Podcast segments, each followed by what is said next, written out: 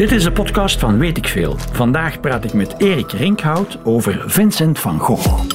Radio 1. Koen Villet. Weet ik veel? Weet ik veel, het concept van het programma is een bepaald onderwerp voor beginners. En het onderwerp vandaag is Vincent van Gogh. En om Vincent van Gogh te behandelen hebben we Erik Rinkhout uitgenodigd. Dag Erik. Dag Koen. Goedemiddag. Um, vroeger journalist bij De Morgen, cultuur en kunst. Journalist bij De Morgen. Tegenwoordig schrijf je voor wie, voor wie je betaalt. Freelance heet dat. Ja, ja, maar grote liefde voor de schilderkunst. Hè? Absoluut. Hele grote liefde. Die gaat nooit meer over. Dus we dachten, we moeten Erik Rinkhout uh, uitnodigen, hoewel we nog even getwijfeld hebben. Er is iemand die we, ja, die we nog liever zouden gehad hebben, maar ze is overleden in 1997. Jeanne Calment, zegt jou die naam nog Dat iets? zegt me nog wel iets. Een hele oude dame. Precies. Ooit de oudste mens ter wereld, denk ja, ik. Ja, ja, ja, tot in 1997 de oudste mens ter wereld. Ze was Ja. 122 en ze, had, uh, ze was van Arles en ze had Van Gogh persoonlijk gekend. Um, ik heb een interviewtje met haar klaarstaan. Vooral de interviewer is grappig, moet ik zeggen. Jean Calment, je verstaat haar Frans niet al. Je moet echt goed opletten om het te verstaan, hoor. Vous avez connu Van Gogh Oui, Racontez-nous comment vous l'avez connu. j'ai connu à la fin de six jours. À tout à fait à la fin. Il était laid. Il était brûlé par l'alcool. Le, hij was Il, venait, il venait au magasin. Il venait chercher des toiles. Hij kwam doeken kopen. À l'époque, Ja. il était connu Van Gogh en ville. Oui. Ja, we kennen hem allemaal. Il fréquentait les zones de tolérance. Maison de tolérance. Pas pour les femmes, Bordeel. donc pour la détresse qui les payait trop cher. Hij ging naar het bordeel, niet Il voor de vrouw. L'argent pour boire. Ja, maar om te, om, te, om te drinken, want de vrouwen kon je niet betalen. Jean Calment, fantastisch, hè? Ja. Pra- Prachtig. Ja. Ja, en hij zegt, ze zegt dus al een aantal dingen. Eh, hij kwam bij, bij hen in de winkel doeken, doeken kopen. Eh, hij was lelijk. Ehm, hij, het, het was aan hem te zien dat hij dronk, Ja. zegt ze ook. Ehm, en dus, ja. En hij, hij, hij bezocht bordelen. En dat hij bezocht de bordelen. Ja. Helaas, Jean Calment is dood. We moeten ons behelpen met Erik Rinkhout. Ja, er zijn een aantal steekwoorden die bij in het gesprek met Van Gogh gaan vallen. Zonnebloemen is er daar ongetwijfeld eentje van. De, de, de sterrenhemel is er Absoluut. ongetwijfeld eentje van. Ik denk dat het woord oor ook gaat vallen, Erik. Wel, kijk eens aan. Ik dacht, ik dacht het eh, wel, uiteraard, dat we daar niet kunnen aan ontkomen. Zullen we daar meteen mee beginnen? Maar natuurlijk. Het ja. oor van Van Gogh. Een, een van, de, ja, een van de, de mythische elementen die rond Van Gogh hangen, natuurlijk. Ja. Het, is een, het is een schilder waar zoveel mythes rond verteld worden, waar zoveel hypotheses ook geformuleerd worden. Een van de gekste die ik toch wel gehoord heb, is dat Gauguin het oor van Van Gogh had afgesneden. Zijn collega's schilder. Zijn collega schilder. Want misschien moeten we het even situeren hoe het juist gebeurd is. Ja. Het is eigenlijk de allereerste serieuze aanval die Van Gogh krijgt. Zenuwaanval, zinsverbijstering. Psychiatrische Ja, aanval. dus er moet iets gebeurd zijn in het hoofd. Daar zullen we het straks ongetwijfeld ook nog wel over hebben. Maar dus die allereerste keer gebeurt dat als hij al in Arles is. eh, net voor de kerst, ehm, 19, eh, sorry, 1888, als ik het goed heb, 23 december. Eh, Van Gogh is er al een tijdje in Arles, wil daar een soort kunstenaarskolonie stichten. En doet een beroep op Gauguin. De Gauguin waar hij naar opkijkt als schilder. Gauguin komt naar Arles. Er ontstaan eigenlijk vrij snel spanningen tussen de twee schilders. Eh, Van Gogh heeft zijn zinnen daar echt op gezet. eh, heeft heel hard gewerkt. Het hele huis hangt vol schilderijen die hij voor Gauguin heeft geschilderd. Maar Gauguin ziet dat na een paar dagen al niet meer zitten, omdat, ja, Van Gogh een drammer was natuurlijk. Hij Ah, was ja. een zeer moeilijke man, denk ik. Een man die heel goed wist wat hij wou, koppig was enzovoort. Maar goed, er zijn spanningen. Vermoedelijk dronk Van Gogh ook iets te veel. Heeft misschien die avond ook te veel gedronken. Maar er ontstaat dus een soort kortsluiting in de hersenen. Van Gogh snijdt met zijn rechterhand zijn linkeroor af.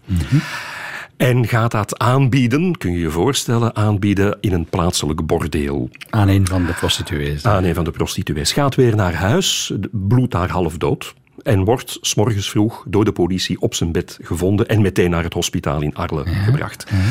Dat wisten we. Maar dan achteraf werd er gezegd, nee, het was niet het hele oor dat afgesneden is, het was maar het oorlelletje. Zo heb ik het, erg ja, het zo heb ik het niet. altijd horen vertellen. Ja, dat oorlelletje. Tot vorig jaar. tot vorig jaar het Van Gogh Museum, de gereputeerde instelling in Amsterdam, het grootste museum gewijd aan de kunst van Van Gogh, ehm, toch op de proppen komt met een briefje, een tekening, die in de jaren 30, 1930, dus intussen bijna 40 jaar na de feiten, getekend is door de dokter uit Arles die Van Gogh verpleegd Ah ja, de behandelende arts De dokter ja. Gachet. Ja, ja, ja. En ehm, Ah, de dokter Gachet, dat is een naam die mij iets zegt, want hij heeft, heeft die geschilderd Heeft hij? Ja, hij heeft, een portret van Ik geschilderd. bedoel, ja, ja. dat is het mooie aan Van Gogh. Hij heeft zoveel geschilderd, zoveel portretten geschilderd, dat je eigenlijk bijna... Ja, dat is bijna een dagboek, zullen we maar zeggen. Ja, dus die Gachet, Dus die Gachet heeft Van Gogh nog verpleegd. Heeft in de jaren 30, 34 denk ik, 1934, bezoek gekregen van de Amerikaanse schrijver ehm, Stone. Die ehm, op dat moment een boek over Van Gogh aan het maken is. En die vraagt aan Gachet, wat is er nu precies gebeurd? En Gachet tekent dan het oor met een stippellijn waar Van Gogh het oor had afgesneden. 40 jaar na datum. 40 jaar na datum. Ja. Ja. Ja, dus maar- dat is een beetje. maar het is het enige- dat is het enige wat we, wat we hebben. En men zegt, ja, het was een dokter, het was de verplegende arts. Hij zal het wel weten, natuurlijk. Zeg maar, Van Gogh heeft ook heel veel eh, zelfportretten gemaakt, waarvan één waar je nog inge, ingewindeld Absoluut. zit. Ja, ja, met Dus dat na- verband om zijn hoofd. Hè? Heeft Ja. hij daarna nog een zelfportret eh, geschilderd waar je zijn, waar je zijn linkeroor... Nee, nee, hij heeft zichzelf altijd zo'n beetje eh, in drie kwart geschilderd, zodanig Misschien dat wel niet daar. misschien, wel, misschien wel daarom. Ja. Maar dus, uit, uit getuigenissen van die periode, hè, want je zegt nu, wij zeggen nu 40 jaar na datum, Ja. komt die dokter dan op de proppen met dat, met dat eh, tekeningetje. Nu, uit eh, getuigenissen van die tijd, hè, 1888, 1889, bleek al dat men toen ook zei, nee, nee, het was een hele oor. Maar dus achteraf is daar twijfel over ontstaan. Maar ik denk dat we nu mogen zeggen, het was wel Het was het hele oor. Het hele oor. En ik denk dat we er mogen van uitgaan dat hij het inderdaad wel zelf gedaan heeft. Erik, dat, dat oor, ja, dat, dat zou eh, anekdotiek zijn. Maar het staat natuurlijk voor wat er in het hoofd van Van Gogh eh, gebeurt. Hè? Ja, absoluut. Vincent van Gogh is knettergek. Ja, dat is die, dat is die mythe natuurlijk. Ehm, deels juist, deels onjuist. Ik breng nu een nuance aan. Die er geen is, want ofwel ben je knettergek. Ja, natuurlijk. ben je niet kijk, hij, hij had vlagen van zinsverbijstering. En ehm, men tast eigenlijk nog altijd in het duister wat er precies in zijn hoofd gebeurde. En die tentoonstelling vorig jaar in het Van Gogh Museum heeft zo een stand van zaken opgemaakt. En men komt er dus niet uit, want men kan natuurlijk het subject of het object van het onderzoek niet meer ondervragen. Nee, hè. nee, dus men moet voortgaan op bestaande doktersrapporten. Ja, en die dokter Gachet, toen die dat tekeningetje maakt, die meneer, hoe heette die, Irving? Irving, Irving? Irving Stone. Heeft, Irving Stone. Irving Stone heeft, heeft niet aan dokter Gachet gevraagd van, ja, oké, dat oor allemaal goed en wel, maar hoe, Ja, er zijn er? theorieën. Er zijn theorieën geweest. Hè. Men heeft hem bijvoorbeeld behandeld voor epilepsie. Ja. Maar die behandeling die stond natuurlijk toen in zijn kinderschoenen. Men, de mens schreef dan bijvoorbeeld baden voor. Warme baden, koude baden En, enzovoort. maar, maar iemand met epilepsie is niet gek, hè? Nee, nee. dus dat is een het is, probleem, hè. men zegt nu, het zal een combinatie van factoren zijn geweest. Ehm, epilepsie is er zeker één van. Ja, een ja. soort wat men nu bipolaire stoornis ook noemt, zou wel eens kunnen. Manisch-depressief, want hij had zijn periodes van manisch werk. Hij was een hele harde werker. Maar er waren ook perioden dat van zelftwijfel en dus periodes van aanvallen en zinsverbijstering. Ah, ja. Hij was niet... eh, kijk, dat is een beetje het merkwaardige. Hij, eh, we moeten het wel duidelijk stellen. Eh, hij was niet de geniale gek. Als hij een aanval had gehad... En als hij dus inderdaad een periode, soms lang, soms kort, van zinsverbijstering meemaakte, Mhm. waarin hij bijvoorbeeld terpentijn begon te drinken en zo, Ah, ehm, dan deed hij ook niks. Dan schilderde hij ook niet. Dan kon hij ook niet schilderen. En dat waren periodes die hij zelf dramatisch vond. Die hij, Sommige stukken herinnerde hij zich daar niets van. Mhm. Andere dingen wel. Wist hij heel goed van, ik kan op dit moment niks doen. Hij was helder. Ja. Hij, kende, hij besefte zijn situatie heel Ah goed. ja, hij, herken- herkende zijn, hij herkende zijn probleem Absoluut, ook. Ja, hij herkende zijn probleem en hij werd van langsom banger en banger. Angstiger en angstiger voor die aanvallen. Ja. Dus er zijn periodes, eh, hij heeft dus die eerste aanval gehad eind 18... Want je mag niet vergeten, we spreken pas over het laatste anderhalf jaar van zijn leven. Hè? Ja. Ja. Die Ja. opgeblazen wordt tot mythische Ja. proporties. Eh, daarvoor was hij de drammer en de moeilijke mens enzovoort. Mhm. Eh, eh, men twijfelde soms wel eens aan zijn gezondheid en zijn geestelijke gezondheid, maar er is nooit iets van die aard geweest. Dus hij heeft in die laatste, dat laatste anderhalf jaar van zijn leven, denk ik, globaal acht, negen, tien van die aanvallen gehad Ja. die hem beangstigden. En hij wist, als ik die aanval heb gehad, ik kan niets doen, ik kan niet werken. En het enige wat hij wou doen, was werken, schilderen. Dat was het enige waarvoor hij leefde. Dus je begrijpt wat voor een, een, een drama dat voor die man was. Vandaar dat hij zich ook vrijwillig, geloof ik toch, Ja. heeft laten opnemen in een psychiatrische instelling Absoluut. Hij heeft ergens in de Provence. In de Provence. Dus na, de, na de, de, wat er gebeurde in Arles, de allereerste eh, aanval, heeft er nog een paar in Arles gehad, is toen opgenomen in het hospitaal. De buurtbewoners zeiden van, het is een rare kwast, hij moet weg. En dan heeft hij zelf de beslissing genomen om naar Saint-Remy-de-Provence te gaan, waar een, eh, een instelling was, die Ja. nog altijd bestaat. Je kunt daar een bezoek aanbrengen trouwens. Je kunt de kamer van Van Gogh zien en het bad, de baden zien die hij... Dus hij heeft zich daar vrijwillig laten opnemen om tot rust te komen en om een behandeling te krijgen. Maar ik zeg het nog eens, die behandelingen, dat was natuurlijk heel Ja. primitief nog in die tijd. Ja. Hij is daar tot rust gekomen. En hij heeft daar ook onwaarschijnlijk gewerkt. Ja. Maar hij wist, ik heb mezelf uitgeput in Arles. En hij is rustiger gaan werken, maar dat is allemaal relatief. Hij heeft ook rustiger, een rustiger kleurgebruik beginnen hanteren. Ja. Dus die man was zich heel goed bewust van wat hij deed. Laten we dat nooit uit het oog verliezen. En Ja. dat merk je ook in zijn brieven. Ja. Ehm, dus die, die eerste aanval, dat was die 23 december 88. Hè? 88. En hij is gestorven in 1890. hè? Dus inderdaad. Juli, eind juli. Dus het gaat Ah ja, dus anderhalf jaar eh, was hij zichzelf bewust van, van een psychisch probleem. Ja. Zie je in zijn schilderkunst. Want ach- achteraf is het gemakkelijk, te gemakkelijk, psychologie van de koude grond, om te zeggen, ja, die kleur, dat kleurgebruik en die, die, die stijl van Van Gogh, dat heeft met die, er is een verband met die, met, met die gekte. Maar zie je in zijn oeuvre een verschil tussen de schilderijen die hij voor 23 eh, december heeft geschilderd en de schilderijen daarna? Er, er is een verschil in die zin dat hij zelf vindt dat hij rustiger is beginnen werken. Ik, ik weet dat zo niet. Ehm, ik vind niet dat daar echt een breuk is. Want je ziet ook... Hij, al- hij had zijn beeldtaal al gevonden voor dat dramatische moment. Zeker, tuurlijk. Tuurlijk ja. En natuurlijk de, de psychologie van de koude grond, zoals jij het noemde. Ja, je ziet, dat, dat is een wereld vol warreling natuurlijk. Hè. Die forse penseelstreken, korte penseelstreken die typisch voor hem zijn. Kijk naar Sterrennacht, allemaal golven. Dus Ja, dan ja, ja, denk je, ja. ja, nu de f- Starry Night, Sterrennacht, is geschilderd in Arles. Ja, in een moeilijke periode. Dus Maar voor die... het voor- lijkt mij allemaal een beetje, een beetje moeilijk om het een aan het ander te koppelen. Men zegt bijvoorbeeld ook, kijk naar dat laatste schilderij van Van Gogh. Een kraaienveld, Ja, een graanveld. De dood kondigt zich aan. Ja, ik weet het niet. Het is helemaal niet zeker. Hij was niet goed natuurlijk helemaal op het einde. Maar ik weet niet of je het allemaal zo in direct verband met zijn schilderij kunt brengen. Erik Rinkhout, voor de dingen die we nu hebben behandeld, vallen dus allemaal in die twee laatste levensjaren van Van Ja, Gogh. absoluut. Ja. We moeten dringend een sprong in de tijd naar voren doen. Naar het prille begin. Ja, met de vraag, hoe is het allemaal begonnen? Ja, ehm, kijk, ik, ik denk altijd, als je naar het eh, leven van Van Gogh kijkt, en het was een kort leven, hè, laten we dat niet uit het oog verliezen, 37 jaar is hij geworden, Ehm, geboren 1853 in Zundert, net over de grens. Het is een bijna Belg. Kijk, ik vind dat we hem mogen inschakelen als reservebelg. Ja.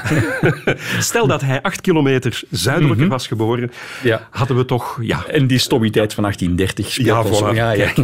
Maar goed, eigenlijk kan het niet natuurlijk, want hij is geboren, in een, eh, hij is geboren als zoon van een dominee, een protestantse dominee. Dat is dan wel heel Hollands. Dat is heel Hollands, te midden van dat deels protestants, deels katholieke Brabant, Noord-Brabant. En hij wou toch, en hij is zelfs dominee geweest, geloof ik. Hij, hij wou dat worden, Want absoluut. Er is, in, Ja. in de, er is een tentoonstelling over, over Van Gogh in de Borinage geweest. Hè. Daar heeft hij gewoond en daar heeft hij toch als... als- Absoluut. we hebben Ja. daar eh, Pascal Verbeek over geïnterviewd in, in zeker. interne keuken. Ja, ja, ja. Zeer zeker. Ja, ja, ja, ja. Hij wou...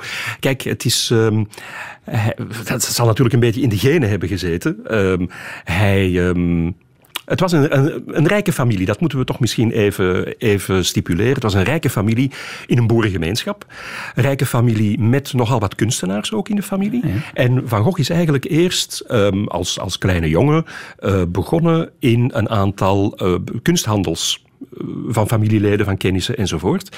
Maar die rusteloosheid zat er van in het begin in. Hij heeft, als je kijkt naar dat vroege leven, als hij vanaf zijn 18 jaar, zeg ik nu maar, uh, je ziet dat hij in Londen zit, in Amsterdam, in Den Haag. Hij zit ook al eens even in Parijs bij zijn broer Theo, die ook in de kunsthandel zat. En dan plots begint hij, hij voelt dat hij dat eigenlijk niet kan, kunst verkopen, dat hij daar niet voor geschikt is. En hij begint meer en meer de Bijbel te lezen.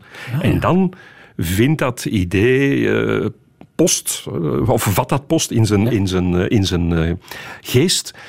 Ik word zendeling, ik word, ik word priester, ik word predikant. En hij volgt een opleiding die ook weer te moeilijk is voor hem. Hij is daar blijkbaar allemaal toch niet zo goed in. En dan inderdaad, een van de dingen die hij doet, is hij trekt naar Brussel en naar de Borinage. en in de Borinage gaat hij tussen de mijnwerkers leven. En daar vindt men hem ook al een rare kwast. Ja, maar ik, ik, heb, ik, herinner, ik herinner mij dat verhaal van in interne keuken. Hij waste zich niet en hij... Hij leefde met de mijnwerkers. En hij wilde ook als een mijnwerker leven. Dus heel eenvoudig. Hij at niet veel, hij verzorgde zich niet enzovoort. Ja, heel, heel bizar. Tekende hij of schilderde hij? Hij begon stilletjes aan te tekenen. En als je ziet hoe hij begonnen is, is er voor ons allemaal hoop. Het is een prutser. Kijk, Um, u zegt het zelf, ik kan het niet ontkennen. Eh, laten we zeggen dat zijn begin toch wel heel ja. um, um, prutserig en erbarmelijk ja. is. Ja. Maar de man zet door. Hij is in alle opzichten een ongelofelijke doorzetter. En ik hoor van veel mensen die zijn brieven hebben gelezen, die, die zijn brieven echt bestudeerd hebben. Het moet een onmogelijke man zijn geweest. Hè. Uh, koppig, uh, recht door zee, moeilijke discussies enzovoort. Maar dus een doorzetter. En hij wil tekenen. Hij heeft plotseling, hij ziet dat dat niet lukt, dat zendelingschap, dat predikantschap. En hij probeert met zijn kunst mensen troost te bieden. Dat, ah, dat is het hele idee. Ja, en dus eigenlijk hetzelfde doel. Hetzelfde ander middel. Ja, ander middel. Absoluut. Kunst om mensen, om het leven van mensen te verlichten.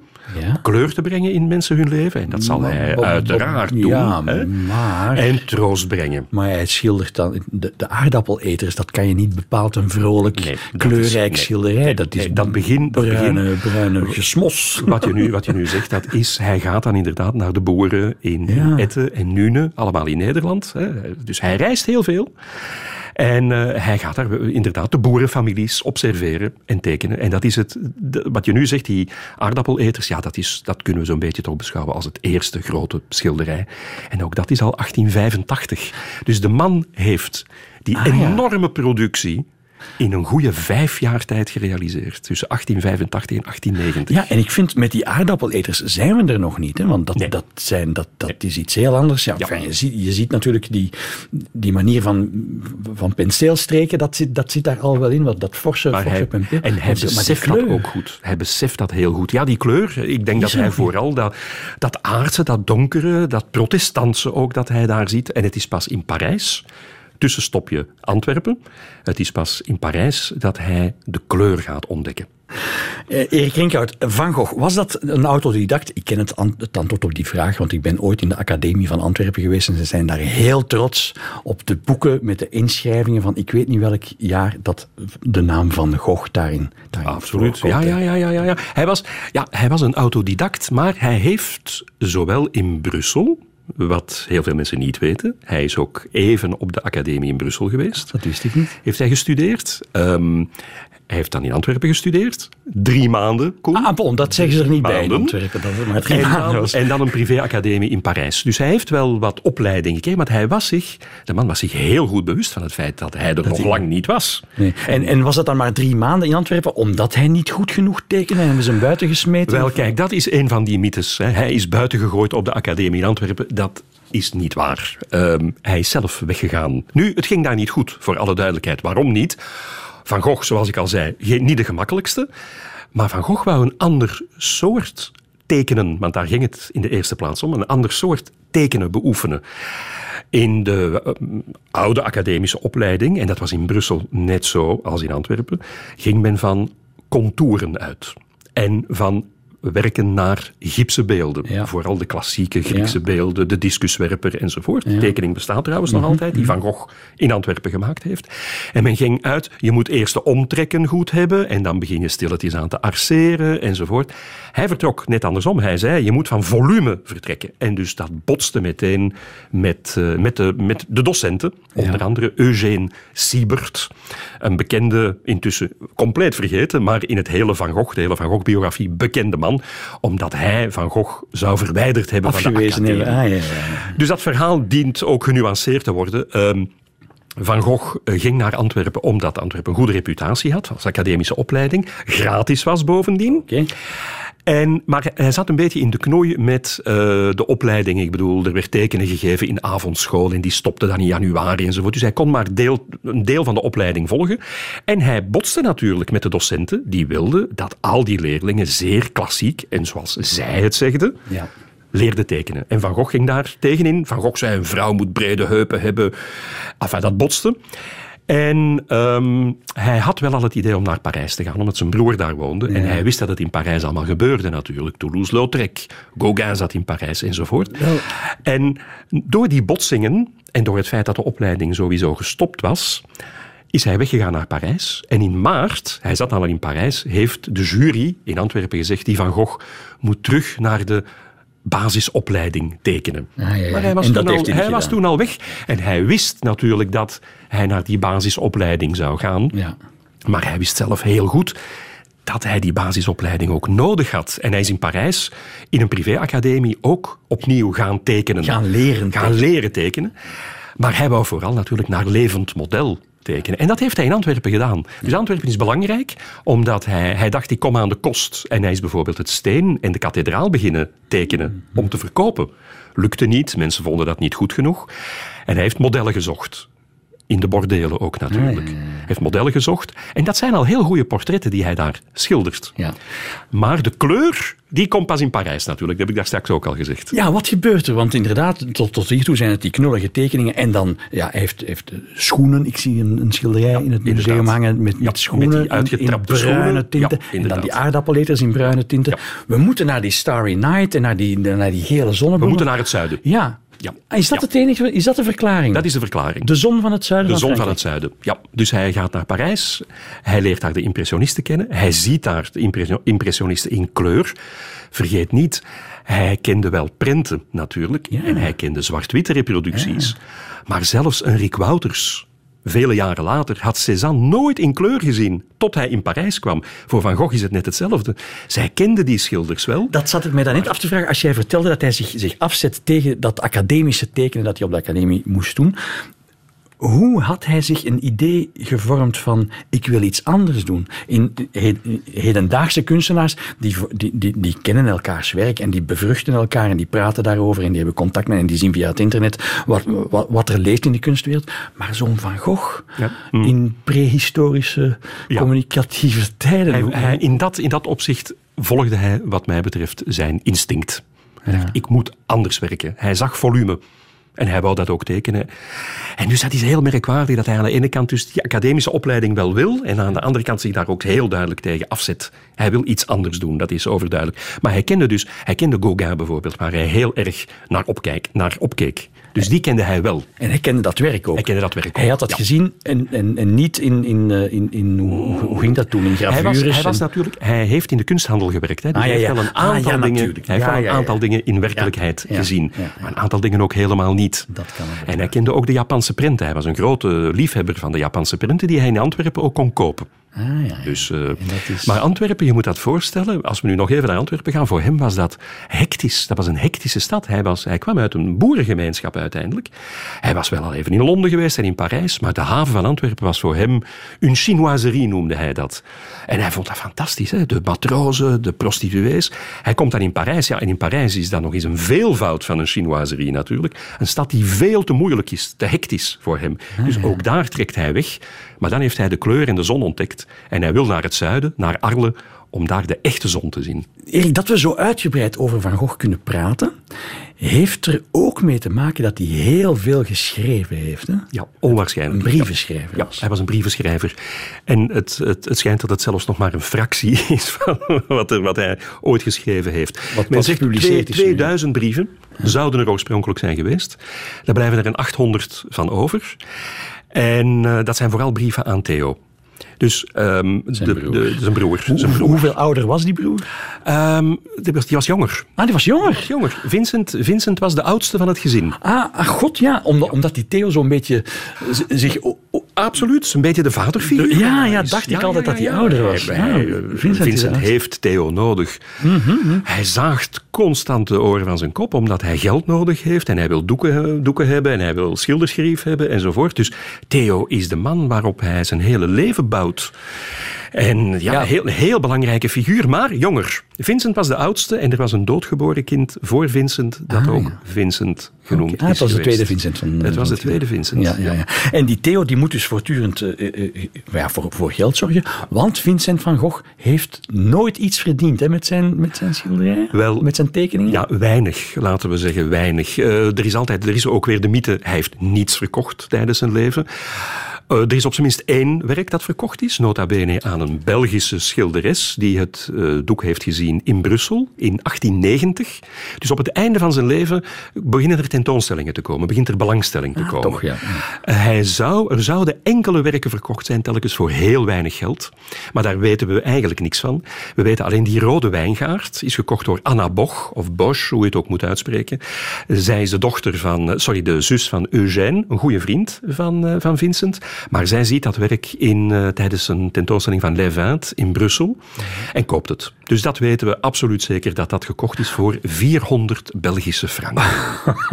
Toenmalige Belgische goed, franken maar- natuurlijk. Ja, hè? ja, ja, Ja. ja, ja. Maar dat was dus op het eind van zijn leven. Als Op het eind van zijn leven. Ja, Dan dus begint hij bekendheid te krijgen. Ja, Daarvoor had hij geleefd op kosten van, van Theo en van zijn Ja, familie. hij, hij leeft tot op het einde, tot eh, 1890, op kosten van zijn broer. Hoor. Ja, dus ja, veel ja, van ja. die brieven zijn bedelbrieven. zijn bedelbrieven. Maar ehm, hij, was, eh, hij was een zeer erudiet man. Hij las ook heel veel. Hij zag heel veel.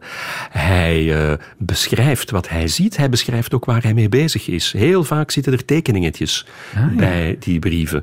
Dus ook dat is weer... We hebben zijn schilderijen als een dagboek. En daarnaast hebben we die brieven die ook bijna een soort dagboek zijn. Dus het, het is eh, ongelooflijk wat, hoeveel informatie we eigenlijk hebben Heb over je, heb je die brieven gelezen? Niet allemaal, maar wel voor een, voor een groot stuk. Ja, want het zijn er dus inderdaad heel veel en ze zijn, ze zijn uitgegeven. Maar Ze zijn uitgegeven. Zelfs een paar jaar geleden, enfin intussen een, een jaar of acht geleden, wetenschappelijke editie. Prachtig geïllustreerd. Je komt alles te weten. Je weet zelfs welk weer het op die dag was, enzovoort. Dus men heeft daar 15 jaar aan gewerkt. Dus dat is een, pracht, een prachteditie. En hebben we ook de antwoorden van Theo?